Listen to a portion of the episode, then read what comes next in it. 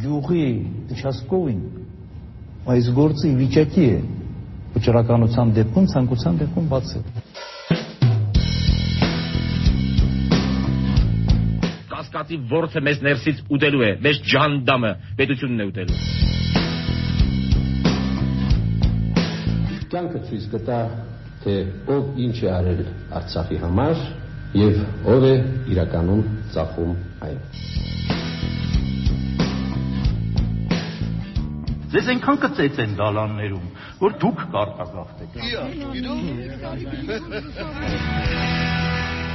18 տարի առաջ Հայաստանում կայացան երրորդ հանրապետության ամենակիչ ուշադրության արժանացած եւ այսօր արդեն շատերի կողմից մոռացված համապետական ընտրությունները։ 2003 թվականի մայիսին Հայաստանի քաղաքացիները երրորդ գումարման ազգային ժողովն էին ընտրում։ Խորհրդարանական քարոզարշավը մեկնարկեց 2003-ի փետրվար-մարտ ամիսներին կայացած աղմկահարույց նախագահական ընտրություններից անմիջապես հետո ընտրություններ, որոնցում Ռոբերտ Քոչարյանին հաջողվեց հաղթել մեծ դժվարությամբ, երկփուլ քվեարկության եւ միջազգային դիտորդների կողմից փաստագրված բազմաթիվ կոպիտ խախտումներից հետո։ Կանգնելով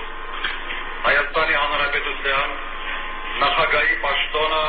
երբում է Ռոբերտ Քոչարյանի երթմնակալության արարողությունը կայացավ 2003-ի ապրիլի 9-ին, այն պահին, երբ մի կողմից արդեն իսկ մեկնարկել էր նոր խորհրդարանի ընտրության գործընթացը, մյուս կողմից Սահմանադրական դատարանում շարունակվում էր նախագահական ընտրությունների վիճարկման պահանջով ընդդիմության թեկնածու Ստեփան Դեմիրճյանի հայցի քննությունը։ Սահմանադրական դատարանը իր վճիռը հրապարակեց Քոչարյանի պաշտոնը ստանձնելուց ուղիղ մեկ շաբաթ անց ապրիլի 16-ին։ Երկրի բարձրագույն դատական ատյանի վճիռը սակայն ոչ միայն չնպաստեց ներքաղաքական քաղաքական ճգնաժամի հանգուցալուծմանն այլև խորացրեց անորոշությունը։ Մի կողմից դատարանը հրաժարվեց չեղարկել կենտրոնական ընտրական հանձնաժողովի այն որոշումը, որով Ռոբերտ Քոչարյանը ընտրված նախագահ էր հռչակվում։ Մյուս կողմից, սակայն, Սահմանադրական դատարանն արձանագրեց, որ քվեարկության ընթացքում լայնածավալ խախտումներ են տեղի ունեցել, ուստի հարկավոր է 1 տարվա ընթացքում նախագահի հանդեպ վստահության վերաբերյալ հանրակրվե անցկացնել նախապես այնպիսի օրենսդրական փոփոխություններ կատարելով, որոնք հնարավոր կդարձնեն նման քվեարկության դատարան անցկացումը ինքնին։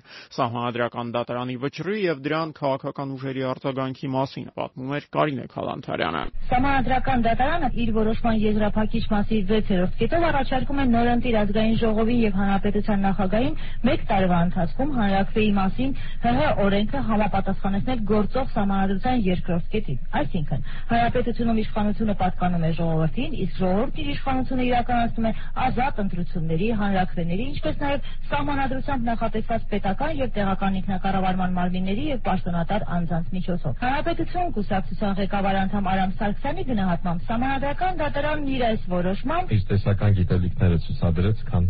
որոշում կայացրեց։ Ես նույնիսկ կասկածում եմ սահմանադրության մեջ նման նորմ կա, այսինքն սահմանադրական դատարանը հակասահմանադրական որոշում է կայացրել։ Կանցնի մի քանի օր եւ ընդդիմության հայտարարությունների տոնայնությունը կփոխվի։ Նույն Արամ Զավենի Սարգսյանը, որ սահմանադրական դատարանի որոշման հաջորդ օրն այն զուտ տեսական փաստաթուղթ էր անվանում, ապրիլի վերջին արդեն վստահության հանրակրվեն բնութագրում էր որպես Քոչարյանին իշխանությունից զրկելու իրական հնարավորություն։ Նույնիսկ սահմանադրական դատարանը ասավ, որ գործող իշխանությանը Ռոբերտ Քոչարյանին մաքսիմում մնալու ժամկետը 1 տարի է։ Ավելորդ է ասել, որ Վազգեն Սարգսյանի եղբոր այս կանխատեսումն այդպես էլ իրականություն չդարձավ, բայց եւ այնպես վստահության հանրակրվեի գաղափարը դարձավ այն գլխավոր հաղթաթղթերից մեկը, որ 2003-ի խորհրդարանական ընտրությունների քարոզարշավում փորձեց օգտագործել Հայաստանի ժողովրդական կուսակցության առաջնորդ Ստեփան Դեմիրճյանի շուրջ համախմբված հայաստանյան ընդդիմությունը։ Դեռ մարտի կեսերին ընդդիմադիր 9 կուսակցություններն, այդ թվում Վազգեն Մանուկյանի ԱԺՄ-ն, Արամ Սարգսյանի Հանրապետությունը մի շարք ավելի մանր ուժեր հայտարարեցին արդարություն դաշինքի ստեղծման մասին։ Հաշվի առնելով, որ դրանից ընդամենը մի քանի շաբաթ առաջ անգամ պաշտոնական տվյալներով Դեմիրճյանը քվեների շուրջ 40%-ներ ստացել, բարձ էր դառնում, որ մայիսի 25-ին նշանակված ազգային ժողովի ընտրություններում նրա ղեկավարած դաշինքը հաղթանակի իրական շանսեր ունի։ Ընտրություններից ընդամենը 1 ամիս առաջ անգամ իշխանությունների հետ շատ սերտ հարաբերություններ ունեցող սոցիոլոգներն էին արձանագրում Ստեփան Դեմիրճյանի ղեկավարած դաշինքը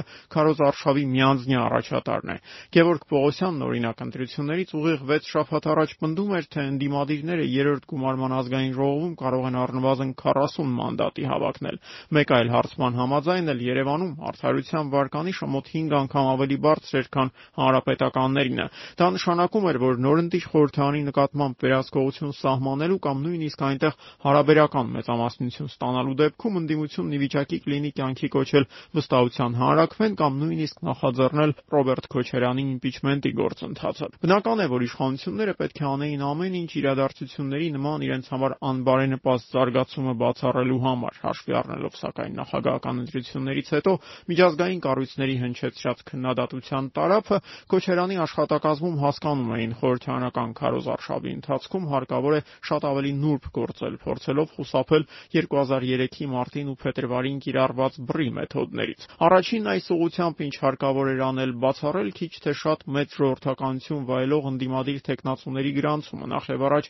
մեծամասնական դրա տարածքներում։ Նախորդ ընտրարշավերի փորձը վկայում էր, որ դրանցում որպես կանոն հաղթում են իշխանության աջակցությունը վայելող տեխնացուներն ու խորհրդարան ձգտող ապակհաղաքական խոշոր գործարարները։ 2003-ի ապրիլի կեսերին արդեն տարածքային ընտրական հանձնաժողովները մերժեցին գրանցել մի շարք գործող ընդդիմադիր падգամավորների, այդ թվում Իրավունքի խմբագիր Հայկ Բաբուխանյանին։ Հանրապետական կուսակցության ջանքերով մաքրվում է դաշտը իրենց տեխնատուներին ուղակի ուրեմն առանց մրցակցության ազգային ժողով խցկելու նպատակով։ Կանցնի մի քանի տարի եւ երբեմնի ընդդիմադիր Բաբուխանյանը կվերադառնա խորհրդարան արդեն հանրապետականի ցուցակով։ 2003 թվականին սակայն գրանցումների չեղարկման ամենաաղմկալի սկանդալի հերոսը դարձավ նախագահության նախկին տեխնացու Արամ Կարապետյանը։ Դրանից ընդամենը մի քանի ամիս առաջ նախագահական ընտրությունների առաջին փուլում ավելի քան 40 հազար ձայն ստացած եւ 4-րդ տեղը զբաղեցրած Կարապետյանը մտադիր էր ակտիվորեն մասնակցել նաեւ խորհրդարանական ընտրարշավին, ընդգրկվելով թե արդարություն դաշինքի համամասնական ցուցակում եւ թե պայքարելով մեծամասնական մանդատի համար։ Ընտրատարածքային հանձնաժողովը սակայն արդեն քարոզարշավի պաշտոնական մեկնարկից հետո որոշեց չեղարկել Կարապետյանի գրանցման մասին իր իսկ կայացրած վճիռը։ Ինչու նույն հանձնաժողովը ապրիլի 20-ին գրանցեց Արամ Կարապետյանին եւ ընդամենը 6 օր անց փոշմանեց եւ որոշեց չեղյալ համարել իր իսկ կողմից ընդունած որոշումը։ Ինչպես հասկանանք, որ ընդամենը 3 ամիս առաջ պարոնայք մերժողների վերադասը ԿԸՀ-ն գրանցեց նույն Արամ Կարապետյանին որպես ՀՀ նախագահի թեկնածու, ընդ որում այս դեպքում պահանջվում էր ոչ թե 5, այլ 10 տարվա մշտական բնակություն։ Այսինքն ստացվում է, որ Արամ Կարապետյանը վերջին 10 տարում մշտապես բնակվել է Հայաստանում, իսկ վերջին 5 տարում ոչ, հարցնում է իրավունքի մեկնաբանը իրողությունը ներկայացնելով որպես կատարյալ աբսուրդ։ Հանուն արդարության նկատենք, որ 2003-ին թեկնածուների գրանցման շուրջ աղմկալի պատմություններ պատահում էին ոչ միայն ընդդիմադիր գործիչների, այլև падգամավորական հավակնություններ ունեցող կատարելապես ապաքաղաքական կերպարների հետ։ Հայկական ժամանակի մատուցմամբ Շենգավիթի թիվ 13 ընտրատարածքային հանձնաժողովը խիստ զավեշտական պատճառաբանությամբ չէր գրանցել պատգամավորության թեկնածու առաջադրված Սարգիս Հովհաննիսյանին, որը Յոնջլախում հայտնի է «Կադիլակ Սերոժ» մականունով։ Հանձնաժողովին կասկածելի էր թվացել, որ Կադիլակը չի հայտարարագրել Կադիլակ մատնիշի ավտոմեքենան։ Նախորդ ուրբաթ ավարտված դատաքննությունը սակայն պարզել է, որ պարոն Հովհաննիսյանը թեև պահպանում է Կադիլակ մականունը, սակայն իր Կադիլակը վաղուց վաճառել է, ուստի պետք է գրանցվի որպես պատգամավորի թեկնածու։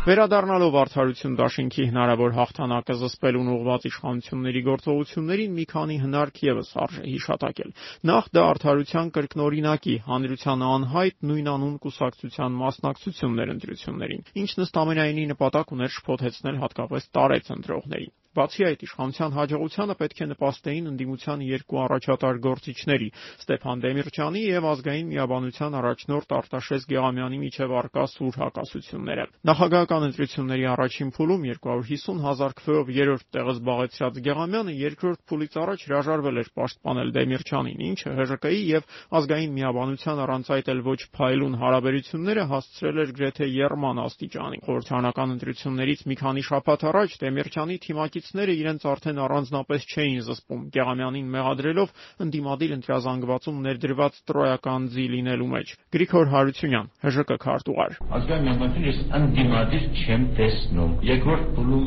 իր աշխատեցին իօգուտ Ռոբերտ Քոչարյանի աշխատեցին պարզապես այդ փաստը որ նրանք չպաշտպանեցին, իշխանությունները Ռոբերտ Քոչարյանը շատ լավ օգտագործեց Արտաշես Գեղամյանը մեր հեռախոսազրույցում այս առիթով արձագանքեց. Ոչինչով իրենց օգնել չեմ կարող եւ ընդդիմության մասին մեր պատկերացումները խիստ տարբերվում են։ Ազատության 2003-ի ապրիլի 21-ի եթերում հայաստանցի ընդդիմադիրների հակասությունների մասին պատմում էր Ռոզան Խաչատրյանը։ Մայիսի 25-ի ընտրությունների շեմին, սակայն իշխանությունների գլխավոր հաղթաթուղթը դարձավ Ռոբերտ Քոչարյանին նախագահական ընտրությունների ընթացքում աջակցած 3 հիմնական կուսակցություններից երկուսի՝ Դաշնակցության եւ Օրինաց երկրի յուրատեսակ գործուղումը ընդդիմադիր դաշտ։ Քարոզարշավի առաջին իսկ օրվանից օրինաց երկիրն ու դաշնակցությունը սկսեցին հանդես գալ իշխանություններին ուղված կոշտ քննադատությամբ, ակնթարթորեն լղոզելով ընդդիմադիր եւ իշխանամետ ուժերի միջև մինչ այդ հստակ նշмарվող տարբերությունը։ Ռոբերտ Քոչարյանի սատարած քաղաքական ուժերը խորհրդարանական ընտրություններում արդեն առանձին են հանդես գալիս եւ նրանց քարոզարշավում արդեն քննադատական երանգներ կան։ Օրինակ երկիրը աճ ու ձախ քննադատում է, բայց պարզ չէ թե ում է ուղված նրանց խոսքը, ՀՅԴ-ն կոնկրետացված քննադատում է չինովնիկներին։ Այն հանդիպումներին, որտեղ ես ներկա էի, հիմնականում ելույթ ունեցավ կուսակցության առաջնորդներից Վահան Հովհաննիսյանը։ Ժողովրդի եւ իր աշխատանքի արդյունքների մեջ մխրճվել է չինովնիկների մի բանակ եւ հնարավորություն չի տալիս, որ ժողովուրդը օգտվի իր աշխատանքի արդյունքներից։ Այնինչ դուք ստեղծում եք, դուք կիսվում եք ձրիակերների հետ, կիսվում եք ձեր քրտինքը եւ արյունը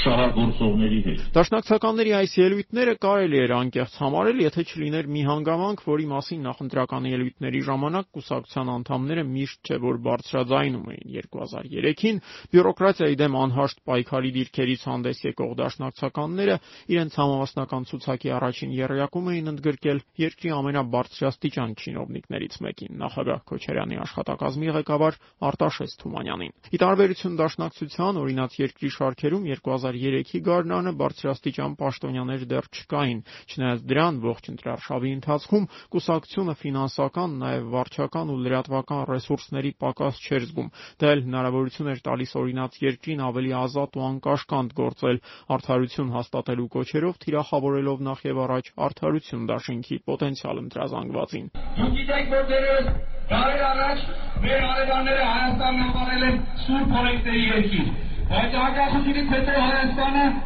մի Սարդոստանի մեջ է հայտնվել, որտեղ օրենքը թույլերի համար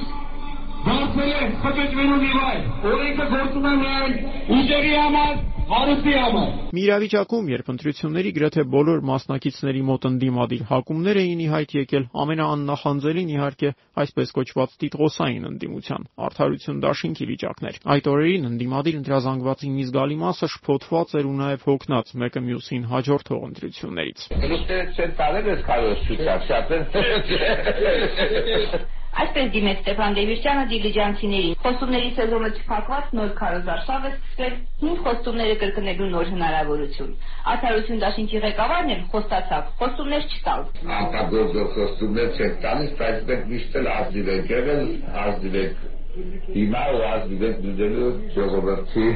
հետ։ Եթե նույնիսկ այս ընտրաշավի ընթացքում քարոզը դեռ չի հասցրել ձանձրացնել, բայց նախկինից մնացած ձանձրույթն էլ դեռ չի հասցրել անցնել։ Ես թափված եմ ժողովուրդը դրանից է։ Գնալու են, բայց ինչ պետք է անենք։ Ժողովրդին եք բանի տեղեք դնում ընտրությունների մասնակցի, բայց արդեն հոգնել են, հոգնել, հոգնել են, կապ չի ջան։ Արդարություն դաշինքի Դիլիջանում կազմակերպված նախընտրական հանդիպումների մասին Ազատության 2003 թվականի ապրիլի 30-ի եթերում պատմում էր Շաքե Աբոյանը։ Եվ այստեղ կարող է շատ օրինաչափ մի հարց ցակել, իսկ ինչով էր 2003-ի գարնանը զբաղված իշխող կուսակցությունը, Հանրապետականը։ ՀՀԿ-ն, որի համավասնական ցուցակի երկրորդ հորիզոնականը վարչապետ Անդրանիկ Մարգարյանից հետո զբաղեցնում էր պաշտպանության նախարար Սերժ Սարգսյանը, իր ընտրարշավը սկսեց Սյունիքից։ Հանրապետականներն իրենց շանսերն այն ժամանակ բավական իրատեսորեն էին գնահատում նոր գումարման խորհրդանում հարաբերական մեծամասնության հավակնելով։ Հանրապետականները նույնիսկ բոլոր 56 մեծամասնական ընտրատարածքներում չէ որ տեխնացուներ էին առաջադրել մի շարք վայրերում գերադասելով պաշտպանել անկուսակցական գործարարներին։ Դրանց թվում էր նաև Գագիկ Ծառուկյանը։ Վարգավաճ Հայաստանը 2003-ին դեռ գոյություն չուներ, իսկ Ծառուկյանի եւ հանրապետականների հարաբերությունները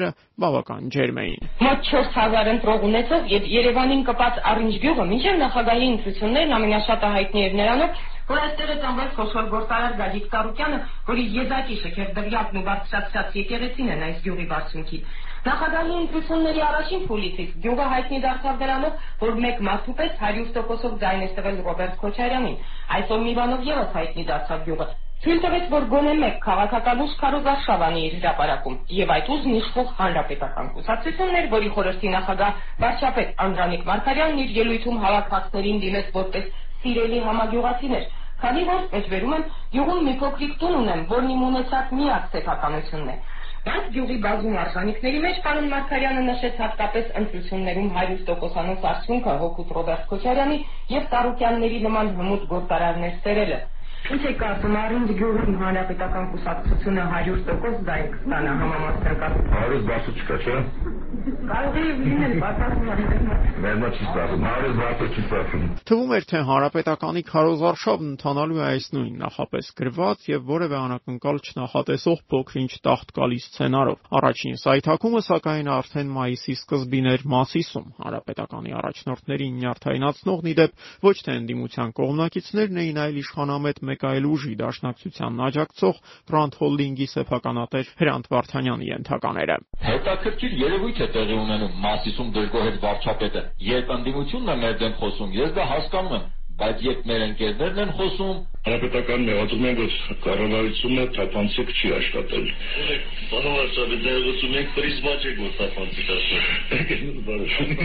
Հանրապետողը Սերժ Սարգսյանն էր։ Կուսակցության ցուցակում երկրորդ տեղ զբաղեցնող պաշտպանության նախարարը առանցքային դեր է խաղում նաև հանրապետականների քարոզարշավում։ Մասնակցում են կողմերի հետ հանդիպումներին, ելույթներ ունենում հավաքներից հետո տարբեր մարդիկ տարբեր խնդրանքներով, հարցերով վարչապետին ու նրան են մոտենում։ Մասիսում հայտարարվեց, որ թեև հանրապետականները այս ընտրատարածքում պատգամավորության տեխնատու չունեն, բայց պաշտպանում են Գուրգեն Արսենյանին։ Երբ արդեն հանդիպումն ավարտվում էր, Մասիս Տովակո ընկերության աշխատակիցներից մեկը Շուշան Բախշյանը հարթակ բարձրացավ եւ բարձրախոսով մի հարց ուղղեց վարչապետին. Ինչու չեք պաշտպանում սեփական արտադրողին, այլ սիգարետներ ներմուծող Գուրգեն Արսենյանին։ Ուրեմն Տիկին Բաշյան, ես ինչ եմ ուզում ասել էլի, մեր վարչապետի եւ տաբակոյի տարբերությունը նրանում է, որ մեր միտինգներում հանգիստ տաբակոյի աշխատողը կարող է գալ, հաստալ ելույթ ունենալ հակակարողություն անել։ Հասկանում եք։ Պարոն Սարգսյանը Սիրախին խփեց Մասիսի հանդիպումից մի քանի օր անց մայիսի 9-ն էր։ Ռոբերտ Քոչարյանն այդ օրը նշում էր. Ղարաբաղում, իսկ հանրապետականները նախ գնացին. Եռաբլուր, ապա եկան հաղթանակի զբոսայգի։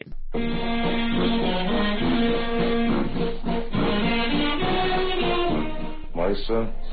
ժողովրդի համար հապանքների ամիս է։ Շուշի, Բերլին, Բաշապարան, Ղարաքիլիսա,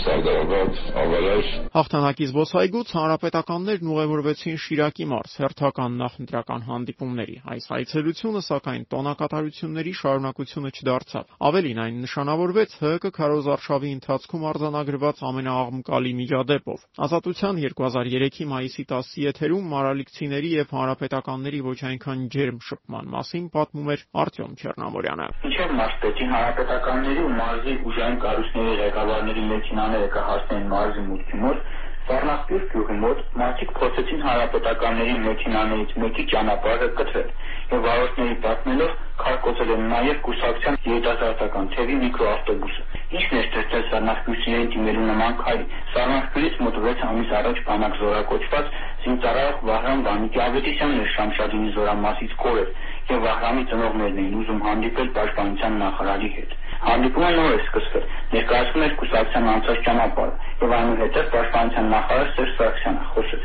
որ սկզբում շնորհավորեց Մարիսյան հաղթանակների առիթով։ Դահլիճում էլ մարդիկ խոսում են եւ աղմուկ կար, ու նախարարը ստիպված դիտողություն արեց։ Սիրելի ժողովուրդ, մեր մոտեցումը որ դոկտրինայի մոտականն նայա խոսում, որ դալիճում նստած լսում է։ Այնուհետև մի տղամարդ դահլիճի վերջում վեր կացավ եւ պահանջում էր գտնել կորած զինվորին։ Դալիճում ոստիկաններն ու ազգային անվտանգության մարմինների աշխատակիցներն անմիջապես նմանատիպ հայտարարություններին արձագանքում էին, որովհետև եւս մեկը եղավ բանակի վերաբերյալ։ Դալիճից անհարգարից վերաբերմունք ցույց տվողի եւ մնացածների դասը որ սկսած 80 թվականից այո ես վրա թուք ուղոր եմ վերցրել բայց Այսօր մենք բանակ ունենք։ Սառնախփյուրի միջադեպը սակայն իր բնույթով եզակի էր 2003-ին խորհրդանական ընտրարշավի ժամանակ հանրապետականներին գյուղական բնակավայրերում հիմնականում վատ չէին դիմավորում, հատկապես այն գյուղերում, որտեղ համայնքապետերը ՀՀԿ անդամներ էին։ Նախ եւ առաջ Արարատյան դաշտավայրում։ Մրգավեր գյուղում ճանապարհը փակել էին, հանրապետականներին դիմավորեցին զուռնա-դհոլով, աղ ու հացով ոչխար չմորթեցին։ Մենք եկել ենք մեր վարչապետին դիմավորելու, մենք գնահատում ենք իր աշխատանքը, այդպես կանենք, բրավո։ Հանդիպումներում շատ կուսակցականներ կային։ Արտաշատի հանդիպմանը եկել էին մոտիկ տեղերի գյուղապետերը, հանրապետական կուսակցության անդամներ, մի հանրապետականի ասելով, հիմա որ կուսակցական չլինես, չես էլ կարա քաղաքան անել։ Շատ գործ ունեն, բայց առանց քաղաքականության ողնշակել չի լինի։ Չի լինի։ Բայց խաղովաչա չի, երկրի հիմքը գյուղացին է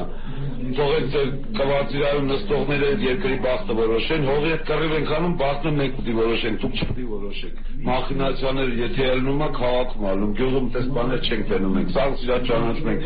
Ոնց կարանք մախինացիա անենք, ո քաղաքացի չենք Հայաստան։ Վերսի մաղաքացուն մեղադրում եք, բայց հենց ստեղ չէին ճանաչող։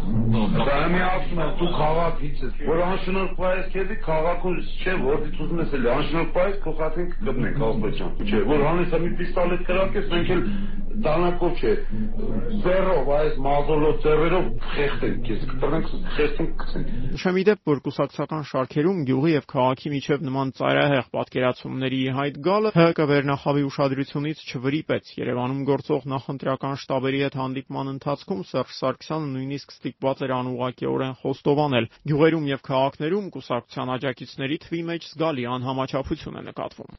Սրամանները ուսուն են փնտրում, բայց անկախ չդառնա, որ հանրապետական կուսակցությունը գյուղական վայրերի կուսակցություն է։ Ընտրություններից մոտ երկու շաբաթ առաջ արդեն հստակ էր։ Պայքարը երկու հարթություններում է ընթանում։ Մեկում միմյանց դեմ են պայքարում իշխանամետ կուսակցությունները, մյուսում արդարություն դաշինքն ու ազգային միաբանությունը։ Այս հարթության մեջ առավել ակտիվ էր Արամ Զավենի Սարգսյանը։ Օրինակ ինչի ինքը համաձայն է Ռոբերտ Քոչանին պարտվի, բայց համաձայն չի որ ընդդիմությունից որևէ մեկը բացի իրենից նախագահ դառնա։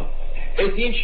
սեփական անձը սիրելու մանիա է, պինգվինի սինդրոմ, թվերը թափտալով ինքնասիրահարվածության։ Հետո գոռում էր ժողովուրդ մեջքը սպահեք, մեջքը սպահեք, մեջքը տնչի պահենք, ծննդաբերում ես ինչ ես անում։ Գեղամյանականներն իդեպ իրենց գնահատականներում գրեթե նույնքան կտրուկ էին ազգային միաբանություն կուսակցության փոխնախագահ Ալեքսան Կարապետյանը նշել է. «Մեզ շինծում եղագանք են հարցրագրում, թե ինչու չմիացանք իրեն ընդդիմություն հռչակած Աջափսանդալին։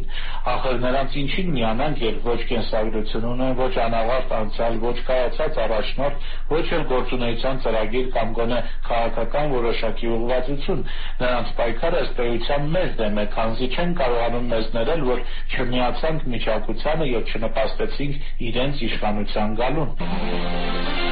Ազատության 2003 թվականի մայիսի 16-ի եթերում մամուլի տեսությունը ներկայացնում էր Վաչե Սարգսյանը։ Այս խորհրդարանական ընտրություններն ի դեպ մի առանձնահատկություն եւս ունեին։ Մայիսի 25-ին խորհրդանի նոր կազմի ընտրության հետ միասին Հայաստանի քաղաքացիները պետք է քվեարկեին նաեւ սահմանադրության նորացված տարբերակի օգտին։ Սահմանադրության նոր տեքստը պետք է փոխարինելու գար 95-ին ընդունված հիմնական օրենքին, մի բան, որ Ռոբերտ Քոչարյանը խոստացել էր անել դեռ 98 թվականին։ 2003-ի խորհրդարանական ընտրարշավ Շաբաթի ընթացքում, սակայն Սահմանադրության թեման արագորեն մղվեց հետին պլան ընտրություններին մասնակցող միակ ուժը, որ հետևողականորեն անդրադառնում էր այս խնդրին կոչ անելով դեմ քվեարկել Սահմանադրական փոփոխություններին Հայոց համազգային շարժումներ։ Կուսակցության ղեկավար Հարարատ Զուրաբյանը քվեարկությունից մի քանի օր առաջ փոքրինչ հուսահատ տոնով նույնիսկ դիմում էր իշխանություններին խնդրելով գոնե Սահմանադրության նման կարևոր փաստաթուղթը փոխելու ժամանակ քվեարկության ցանկալի արդյունքին հասնելու ավանդական մեթոդներից զերծ մնալ։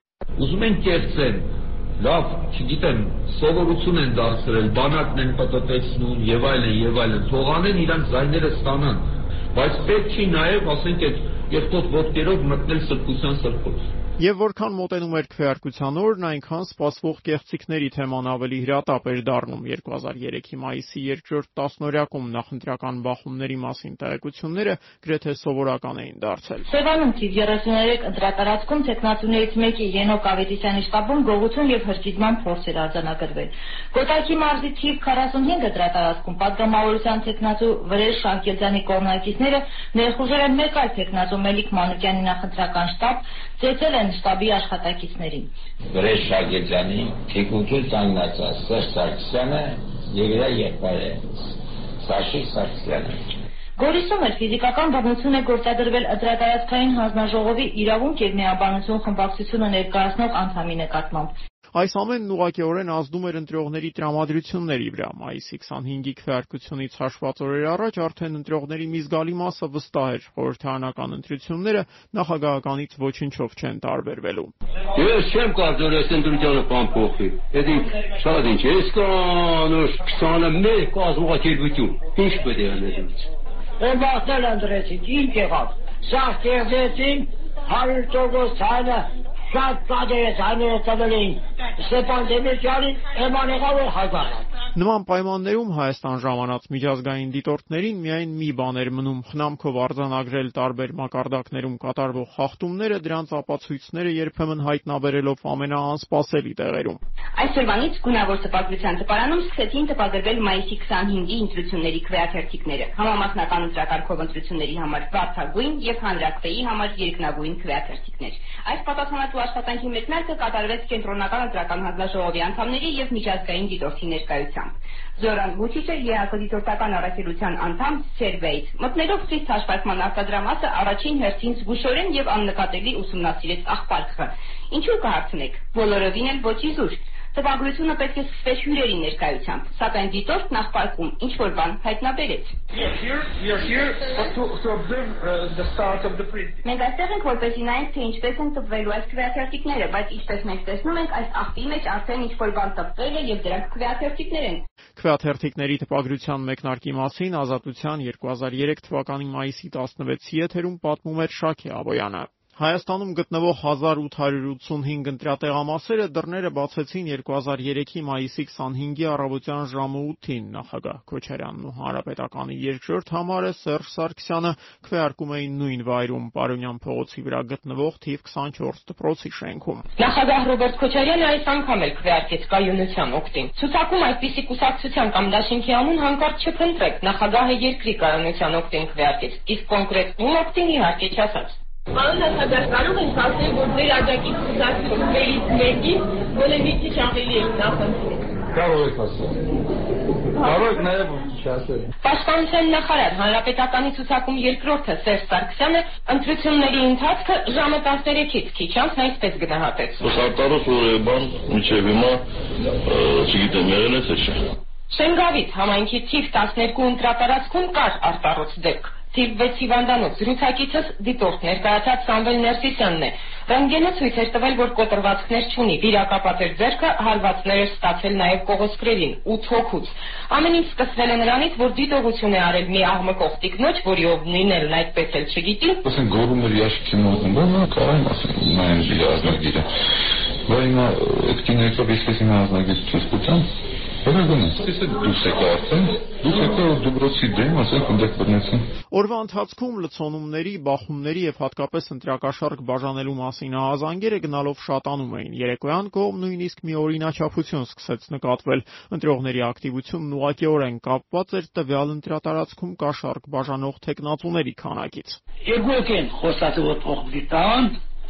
այսօր մեկն է, տայ գամաժողովից չի գալի ընդրության։ Այն այ ես ուղղությամբ դի արդեն 600 հոգի մարդ կար, բայց 100 մարդ է եկել դամեր։ Չեն էլ գալու, որովհետեւ մասի ժողովը սովորել է փողի։ Առանց փողի մասում ընդդություն չկա։ Օրվա վերջում իրավիճակն էլ ավելի թեժացավ։ Խոսքն արդեն ոչ թե ծեծկրտուքի կամ པարզ լցոնման, այլ բարիք բուն իմաստով մարդասպանության մասին էր։ 2003 թվականի խորհրդարանական ընտրությունների ամենաաղմկալի միջադեպի մասին պատմում էր Հրաչ Մելքումյանը։ Կրակել են Արարատի մարզի Շահումյան գյուղի ընտրական տեղամասում։ Դեպքը տեղի ունեցել քվեարկության ավարտից հետո երեկոյան ժամը 9-ի սահմաններում։ Մանրամասները ճշտելու համար զանգահարեցի Արտաշատի շրջանում Արդարություն դաշինքի շտաբի պետ Արամայիս Բարսեղյանին։ Կրակոցների հետևանքով զոհվել է մեկ անձնավորություն Վրեժ անունով նախկին պետավտոտեսուչ։ Կրակողի անունը Տարզան է, այդ յուղի բնակիչներից է, տեղամասում հերթապահող ոստիկանը պատասխան կրակ է բացել, նա վիրավորվել եւ տեղափոխվել է Երևան։ Բայց անգամ Տարզանի արձակած կրակոցներն ու ոստիկանության կողմից կենցաղային որակված այս հանցագործությունը չկարողացան ստվերել ընտրությունների թերևս ամենաարտասովոր դրսևորումը՝ ընտրողների մասնակցության ցուցանիշի թռիչքած աճը, որը տեղի ունեցավ քվեարկության բառացիորեն վերջին րոպեներին։ Մի հանգամանք, որ անասելի զարմանք կյանք պատճառեց հատկապես եվրոպացի դիտորդներին։ Դիտորդական առաքելության ղեկավար Լորդ Ռասել Ջոնսթոնի 2003-ի մայիսի 26-ին Երևանում հրավիրված ասուլիսին ներկա էր Ռուզան Խաչատրյանը։ Ամենատարակուսելին էր տեղամասերը փակվելուց կես ժամվա ընթացքում ընտրողների մասնակցության շեշտակի աճը՝ մոտ 43%-ից մինչև մոտ 51%։ My experience Armenians vote in the afternoon. They don't come rushing in at the last minute. Հատկապես երրորդ անգամ Հայաստանում համապետական ընտրություններ դիտարկած պարոն Ջոնսոնն իր փորձից ելնելով ասում է, որ հայերը ցերեկն են քվեարկում։ Վերջին րոպեին չէ, որ նրանք աջապարում են տեղամաս։ Եվ ընդհանրապես ընտրողների ցածր մասնակցությունն էլ ուրախացնող չէ, Մեջբերում եմ, երբ մարդիկ չեն քվեարկում հրաշալի արևոտորով, դա կամ նրանից է, որ իրենց համար նշանակություն չունի, կամ նրանից, որովհետև չեն վստահում իրենց քվեները հաշվելու ձևին։ When people don't vote on a fine sunny day, it's either because they don't think it'll make any difference. Եվրոպացի դիտորդներն ի դեպ նշում էին 2003-ի խորհրդարանական ընտրությունների ժամանակ ամենահաճախ հանդիպող խախտումը քվեարկության արդյունքների ամփոփիչ արձանագրությունների կեղծումն էր։ Կենտրոնական ընտրական հանձնաժողովը սակայն սակայն այս մեղադրանքներն ինչպես միշտ անտեսեց եւ նաեւ բազմաթիվ վիճելի արձանագրությունների հիման վրա հրապարակեց ընտրությունների նախնական արդյունքները։ Դրանց համաձայն առաջինը հանրապետականն էր քվեների 23%-ով։ Երկրորդ տեղում արդարություն դաշինքներ այն ստացել էր ձայների գրեթե 14%-ը։ Օրինաց երկիրն ու դաշնակցությունը գրեթե հավասար թվով քվեներ ստացան համապատասխանաբար 12 եւ 11%։ Արտաշես Գեամյանի ազգային միաբանությունը երրորդ գումարման խորհրդանում եւս ներկայացված էր քվեների գրեթե 9%-ով։ Ամենամեծ անակնկալի հեղինակը սակայն դարձավ գործարար Գուրգեն Արսենյանը, այն նույն Գուրգեն Արսենյանը, որին աջակցելու համար Մասիս Տոբակոյի աշխատակիցները մեղադրում էին Անդրանիկ Մարգարյանին ու Սերժ Սարգսյանին։ Արսենյանի նախաձեռնությամբ ընտրություններից ընդամենը մի քանի ամիս առաջ ստեղծված միավորված աշխատանքային կուսակցությունը հաղթահարեց 5%-ի արգելքը ազգային ժողովում 6 հոգանոց խմբակցություն ձևավորելով։ Թե ինչպես դա հաջողվեց քաղաքական կենսագրություն չունեցող եւ լայն հանրությանն անհայտ այդ կուսակցությանը իր հրապարակումներից մեկում սպառիչ կերպով բացատրում էր Նիկոլ Փաշինյանի հայկական ժամանակը։ Միավորված աշխատանքային կուսակցության հաջողությունը երրորդ հանրապետության պատմության մեջ թերևս առաջին դեպքն է, երբ ազգային ժողովում խմբակցություն է ձևավորվում բացառապես փողի շնորհիվ 18 տարի առաջ գրում էր հայկական ժամանակը։ Փողից բացի, սակայն Արսենյանն ու նրա կուսակցությունը եւս մեկ ոչ պակաս կարևոր ռեսուրս ունեին՝ Ռոբերտ Քոչարյանի բարեհաճ վերաբերմունքը։ Կա եւս ՄԱԿ կուսակցությունը, որի հետ ես համագործակցության հրամեկարները տեսնում եմ, ակտիվ համագործակցության, քանի որ կուսակցության ֆրակցիայում ազգային ժողով են մտել Արեստավար ամզի։ Նոր կառավարության ձևավորման շուրջ բանակցություններին, սակայն Արսենյանի կուսակցությունը չէր մասնակցում ընտրություններից ընդամենը մի քանի օր անց մեկնարկած տրմփակ այդ քննարկումներում ներգրավված էին միայն այն ուժերը, որոնք դրանից ընդամենը մի քանի օր առաջ անխնա կերպով քննադատում էին միմյանց։ Հանրապետականը, օրինաց երկիրն ու դաշնակցությունը։ Այդ բանակցություններն ավարտվեցին 2003-ի հունիսի 11-ին կոալիցիոն հուշագրի ստորագրմամբ։ Հանրապետական օրինաց երկիր հայ հեղափոխական դաշնակցություն կուսակցություններն այսօրվանից արդեն միմյանց կապված են ոչ միայն միասնաբար աջակցած նախագահով, այլև քաղաքական կոալիցիայի հուշագրով, որը նախագահ Ռոբերտ Քոչարյանի նստավայրում այսօր ստորագրեցին երեք կուսակցությունների ղեկավարները։ Ազգային ժողովի նախագահի պաշտոնը վերապահվում է օրինաց երկրին, երկու տեղակալներինը հանրապետականին ու դաշնակցությանը ամրագրված է, որ պաշտպանության, արտաքին գործերի, արդարադատության նախարարներին առաջադրելու է հանրապետության նախագահը, քաղաքաշինության, կրթության, մշակույթի նախարարներին օրինաց երկիրը, առողջապահության, գյուղատնտեսության եւ սոցապ նախարարներին դաշնակցությունը։ Մնացած 7 պորտֆել արտելները եւ վարչապետի պաշտոնը հանրապետականը։ Երևանյան պարբերականներն ի դեպ այդ օրերին նկատում էին կոալիցիոն հուշագիրը ֆորմալ առումով է միայն երակողմ, իրականում կան նաեւ 4-րդ կողմ, որի ստորագրությունը թեև փաստաթղթի տակ չկար, բայց եւ այնպես այդ կողմը ամենաազդեցիկն էր։ Կարգին լծված երեկույթի, Հանրապետական կուսակցության օրինակ երկրի և Դաշնակցության ղեկավարների գլուխներով, որոնց վարում է Ռոբերտ Քոչարյանը, «Ազգ» թերթը մեծադիր այսպես է գծանկարել կոալիցիայի իր տեսլականը և կից վերլուծականում էլ հատկապես նշվում է.